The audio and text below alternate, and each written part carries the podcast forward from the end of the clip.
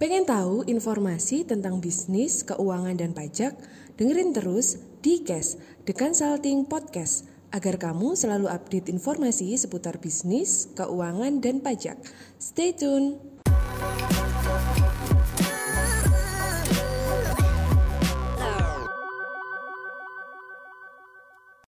Halo, ketemu lagi dengan saya Alif Imran Muhammad dari theconsulting.id. Oke, kali ini saya akan membahas mengenai topik seputar SOP yang mana SOP ini untuk usaha restoran, yaitu bagaimana sih cara kita membuat SOP untuk penjualan. Nah, di sini kan penjualan itu kan ada penjualan dan in, ada penjualan takeaway juga. Nah, ini bagaimana cara kita membuat uh, eh, SOP untuk perusahaan resto bagaimana sih cara kita membuat SOP pen, uh, untuk SOP penjualan yang mana untuk usaha restoran.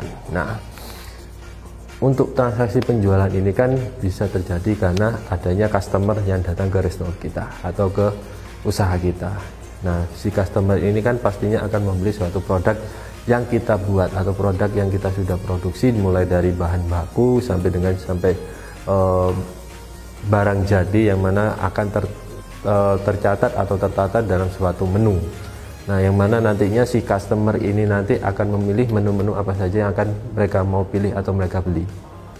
Hal hal apa saja sih yang perlu diperhatikan uh, untuk terkait uh, membuat SOP ini adalah satu yang pertama adalah perlu adanya yang sama seperti video saya sebelumnya yang terkait SOP pembelian itu adalah harus ditentukan dulu siapa yang akan terlibat dalam transaksi atau yang menjalankan alur-alur ini nantinya.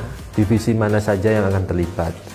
Nah, kalau sudah sudah kita sudah punya ini struktur organisasinya, job juga sudah jelas yang mana nantinya siapa sih yang bagian si bagian kasir siapa, yang akan sebagai uh, waitersnya juga siapa, yang nanti sing yang mem, uh, istilahnya yang bagian untuk mencatat terkait kalau misalkan ada uh, telepon dari customer nanti siapa. Nah semua juga ini juga harus ada alurnya. Jadi nggak ada sekedar kita buka usaha ya udah nanti customer datang ya udah kamu layani. Tapi kan harus pelayanan uh, terhadap customer kan juga harus ada patokannya harus ada guidance-nya juga. Nah itu yang perlu diperhatikan. Yang pertama adalah harus tentukan dulu struktur organisasinya harus bentuk dulu siapa juga uh, siapa aja yang terlibat dalam menjalankan aktivitas ini Lalu yang kedua adalah menyiapkan sarana dan prasarananya. Contohnya misalkan uh, kalau kita, uh, untuk restoran kan pasti ada namanya POS. Ya, yang mana nantinya itu mencatat transaksi-transaksi uh, penjualan kita yang yang kita atas produk yang kita jual ke customer. Nah, jadi uh, kita ambil dalam contoh ada perusahaan yang mana biasanya menggunakan POS yang sudah uh, semakin canggih juga uh, misalkan mulai ada yang berupa bentuk tablet dan lain sebagainya. Macam banyak banyak sekali macam-macam POS yang bisa dipakai untuk usaha restoran. Alurnya seperti apa sih? Kalau misalkan katakanlah ada perusahaan uh, ada customer yang katakanlah pengen uh, makan di usaha kita atau istilahnya dine in ya. Yang mana pastinya nanti ada si waitress yang akan uh, menanyakan atau melayani customer tersebut. Nah biasanya customer uh, si waiters ini kan pasti menanyakan uh, mau makan apa atau uh, istilahnya mensajikan menu-menu favorit atau produk-produk kita yang terbaik. Yang mana nantinya supaya apa? Supaya nilai value dari produk-produk uh, kita ini juga bisa tinggi itu kan juga bisa menguntungkan suatu perusahaan.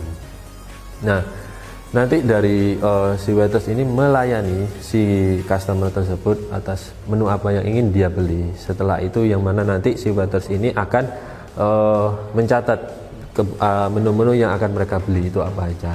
Nah pencatatannya ini uh, bisa menggunakan uh, secara manual atau sudah menggunakan aplikasi atau istilahnya berupa bentuk tablet. Nah biasanya untuk usaha-usaha resto sekarang sudah juga uh, mengikuti zaman juga mereka sudah menggunakan berupa tablet yang mana nantinya tablet ini akan uh, terintegrasi dengan POS-nya dan juga terintegrasi langsung ke bagian kitchen.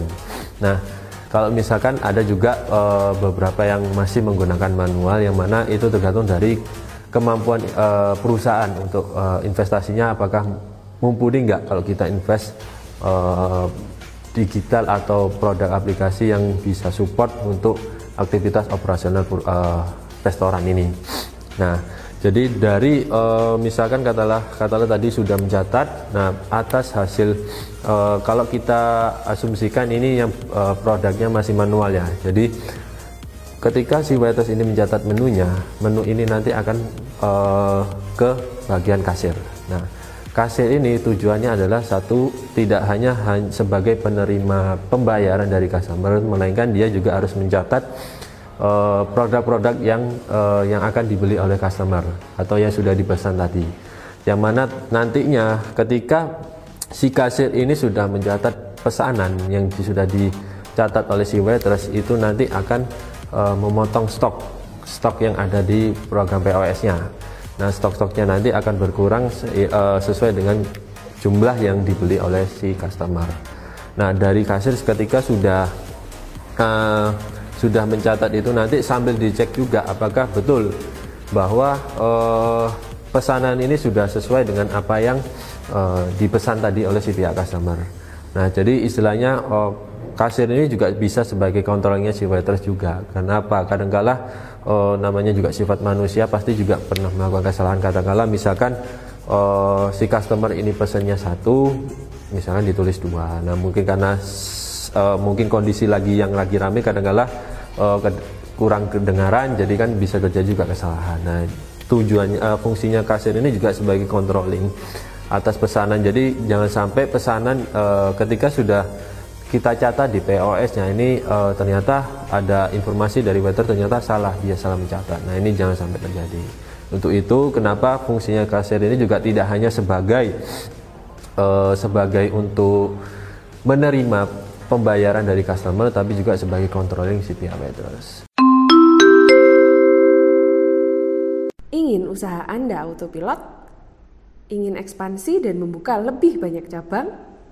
Dapatkan video series 10 kunci sukses menerapkan SOP di dalam perusahaan yang bisa diterapkan di bisnis Anda agar dapat terus berkembang dan berkelanjutan. Kunjungi www.dekansalting.id slash 10 strip kunci strip sukses strip SOP.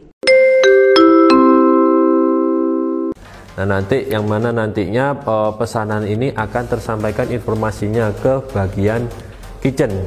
Nah kitchen nanti ini akan berupa sebu, sebu uh, biasanya akan muncul sebuah struk yang mana struk ini atas hasil pencatatan dari si kasir tadi mencatat atas pesanan yang akan dibeli oleh pihak customer. Nah, nanti si di sana juga sudah ada uh, biasanya per masing-masing kitchen itu juga sudah ada bagiannya. Nah, si A ini bagian untuk masak.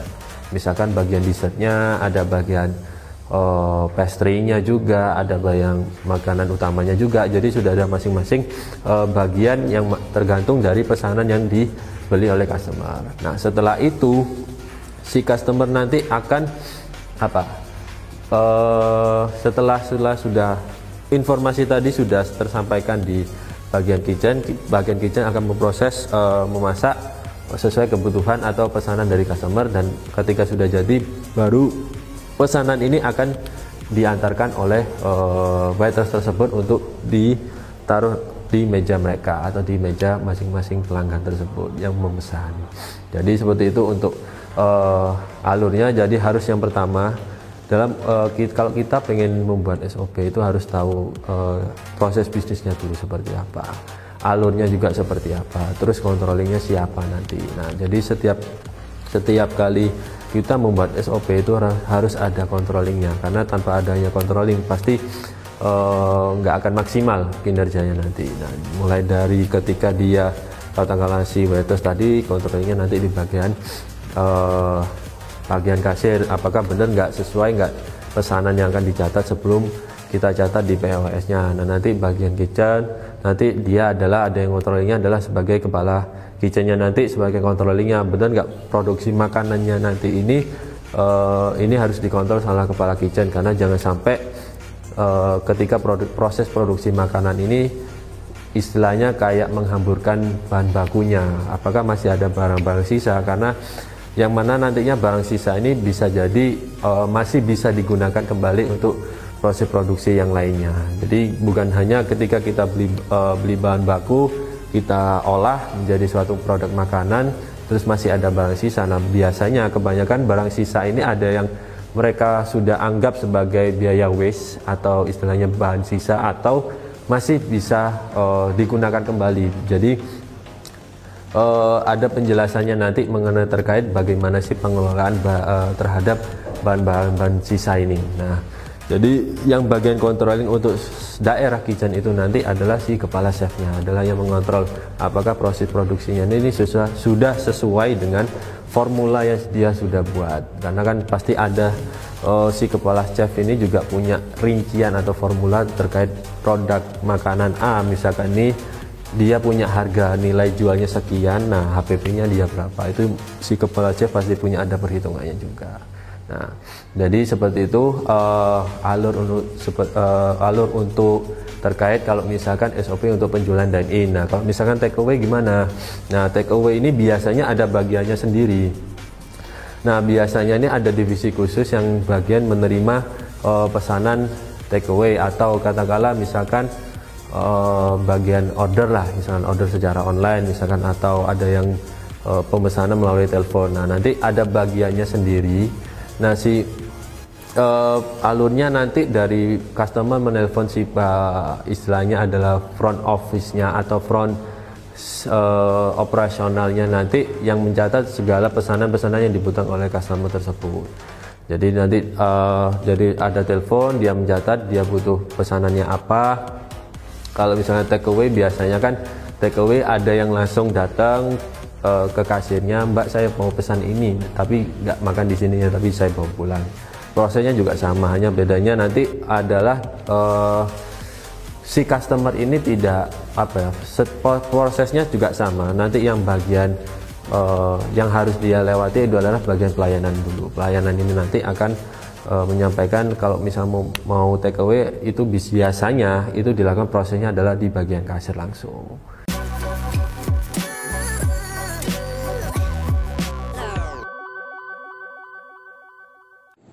kasih sudah mendengarkan Tikes. Sampai jumpa di episode berikutnya ya.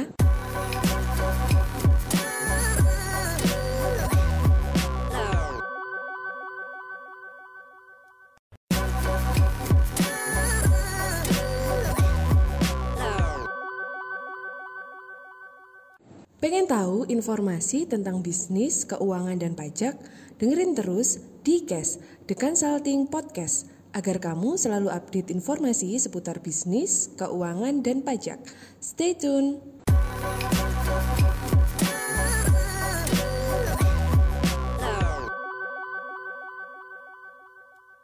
Halo, ketemu lagi dengan saya Alif Imran Muhammad dari theconsulting.id. Oke, kali ini saya akan membahas mengenai topik seputar SOP, yang mana SOP ini untuk usaha restoran, yaitu bagaimana sih cara kita membuat SOP untuk penjualan. Nah, di sini kan penjualan itu kan ada penjualan dan in, ada penjualan take away juga. Nah, ini bagaimana cara kita membuat uh, eh, SOP untuk perusahaan resto? Bagaimana sih cara kita membuat SOP pen, uh, untuk SOP penjualan yang mana untuk usaha restoran? Nah, untuk transaksi penjualan ini kan bisa terjadi karena adanya customer yang datang ke resto kita atau ke usaha kita Nah, si customer ini kan pastinya akan membeli suatu produk yang kita buat atau produk yang kita sudah produksi mulai dari bahan baku sampai dengan sampai uh, barang jadi yang mana akan ter, uh, tercatat atau tertata dalam suatu menu. Nah, yang mana nantinya si customer ini nanti akan memilih menu-menu apa saja yang akan mereka mau pilih atau mereka beli. Hal hal apa saja sih yang perlu diperhatikan uh, untuk terkait Eh, membuat SOP ini adalah satu yang pertama adalah perlu adanya yang sama seperti video saya sebelumnya yang terkait SOP pembelian. Itu adalah harus ditentukan dulu siapa yang akan terlibat dalam transaksi atau yang menjalankan alur-alur ini nantinya. Divisi mana saja yang akan terlibat. Nah kalau sudah sudah kita sudah punya ini struktur organisasinya job desknya juga sudah jelas yang mana nantinya siapa sih yang bagian si bagian kasir siapa yang akan sebagai uh, waitersnya juga siapa yang nanti sing yang mem, uh, istilahnya yang bagian untuk mencatat terkait kalau misalkan ada uh, telepon dari customer nanti siapa. Nah semua juga ini juga harus ada alurnya. Jadi nggak ada sekedar kita buka usaha ya udah nanti customer datang ya udah kamu layani. Tapi kan harus pelayanan uh, terhadap customer kan juga harus ada patokannya, harus ada guidance-nya juga. Nah itu yang perlu diperhatikan yang pertama adalah harus tentukan dulu struktur organisasinya, harus bentuk dulu siapa juga uh, siapa aja yang terlibat dalam menjalankan aktivitas ini. Lalu yang kedua adalah menyiapkan sarana dan prasarananya. Contohnya misalkan uh, kalau kita, uh, untuk restoran kan pasti ada namanya POS. Ya, yang mana nantinya itu mencatat transaksi-transaksi uh, penjualan kita yang yang kita atas produk yang kita jual ke customer. Nah, jadi uh, kita ambil dalam contoh ada perusahaan yang mana biasanya menggunakan POS yang sudah uh, semakin canggih juga. Uh, misalkan mulai ada yang berupa bentuk tablet dan lain sebagainya. Macam banyak banyak sekali macam-macam POS yang bisa dipakai untuk usaha restoran. Alurnya seperti apa sih? Kalau misalkan katakanlah ada perusahaan uh, ada customer yang katakanlah ingin uh, makan di usaha kita atau istilahnya dine in ya. Yang mana pastinya nanti ada si waitress yang akan uh, menanyakan atau melayani customer tersebut. Nah, biasanya customer uh, si waiters ini kan pasti menanyakan uh, mau makan apa atau istilahnya mensajikan menu-menu favorit atau produk-produk kita yang terbaik.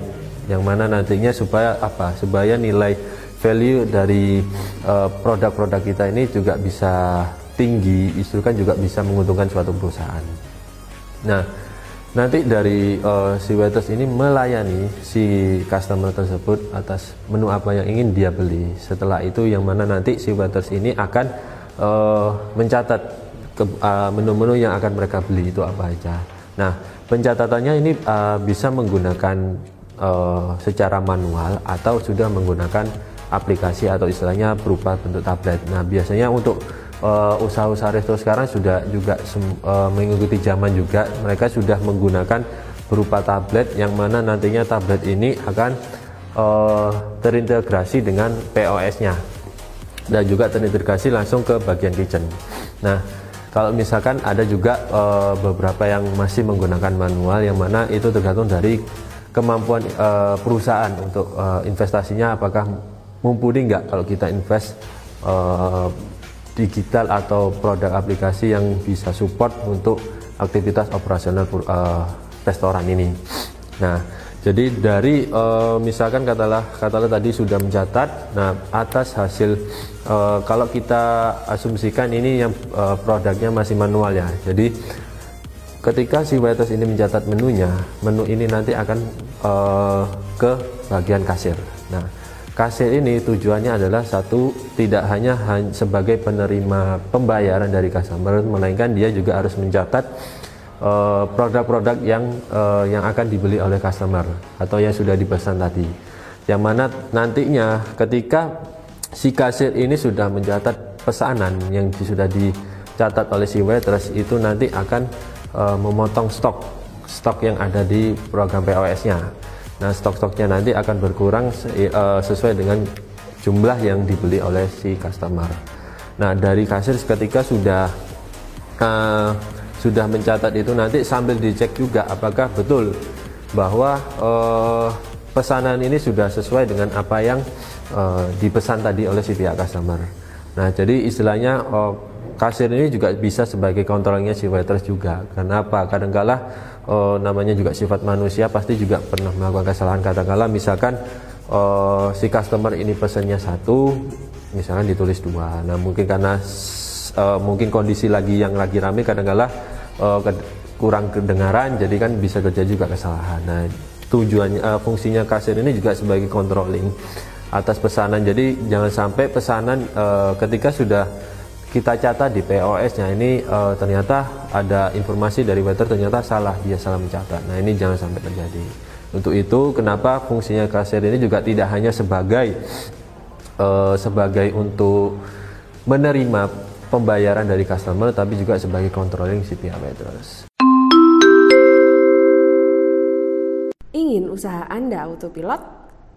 Ingin ekspansi dan membuka lebih banyak cabang? Dapatkan video series 10 kunci sukses menerapkan SOP di dalam perusahaan yang bisa diterapkan di bisnis Anda agar dapat terus berkembang dan berkelanjutan. Kunjungi www.dekansalting.id slash 10 strip kunci strip sukses strip SOP.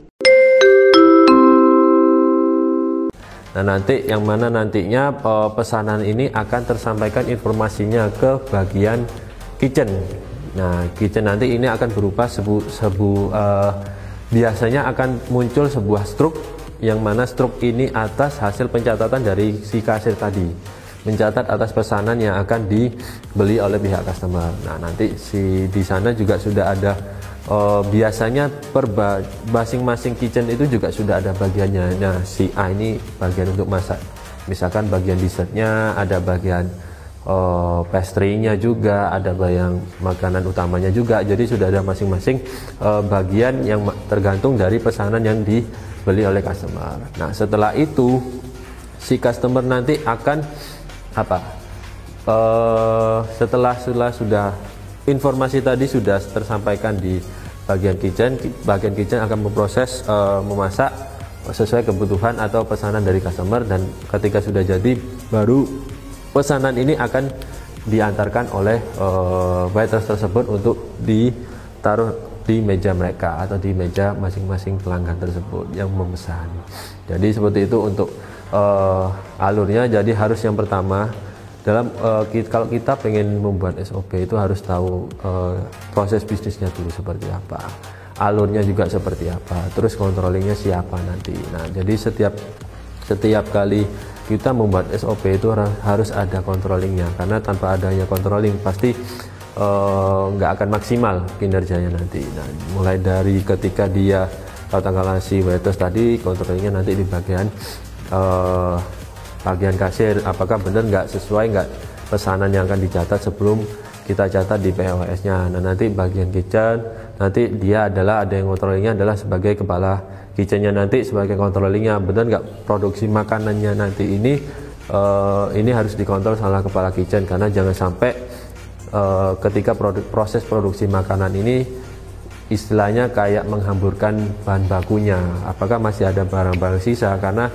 yang mana nantinya barang sisa ini bisa jadi uh, masih bisa digunakan kembali untuk proses produksi yang lainnya. Jadi bukan hanya ketika kita beli uh, beli bahan baku kita olah menjadi suatu produk makanan terus masih ada barang sisa. Nah biasanya kebanyakan barang sisa ini ada yang mereka sudah anggap sebagai biaya waste atau istilahnya bahan sisa atau masih bisa uh, digunakan kembali. Jadi uh, ada penjelasannya nanti mengenai terkait bagaimana sih pengelolaan uh, terhadap bahan-bahan sisa ini. Nah jadi yang bagian controlling untuk daerah kitchen itu nanti adalah si kepala chefnya, adalah yang mengontrol apakah proses produksinya ini sesuai, sudah sesuai dengan formula yang dia sudah buat. Karena kan pasti ada uh, si kepala chef ini juga punya rincian atau formula terkait produk makanan A misalkan ini dia punya harga nilai jualnya sekian, nah HPP-nya dia berapa. Itu si kepala chef pasti punya ada perhitungannya juga.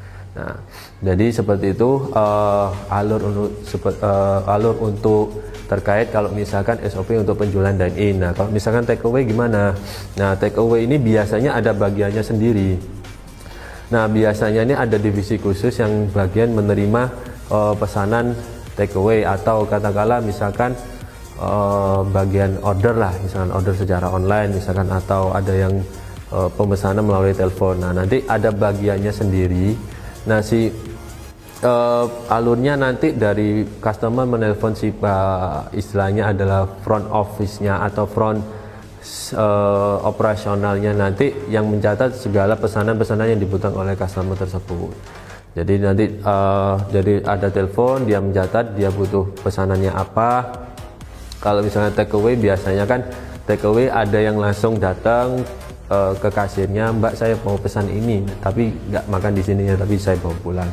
Prosesnya juga sama hanya bedanya nanti adalah uh, si customer ini tidak apa ya prosesnya juga sama. Nanti yang bagian uh, yang harus dia lewati itu adalah bagian pelayanan dulu. Pelayanan ini nanti akan uh, menyampaikan kalau misal mau, mau take away itu biasanya itu dilakukan prosesnya adalah di bagian kasir langsung.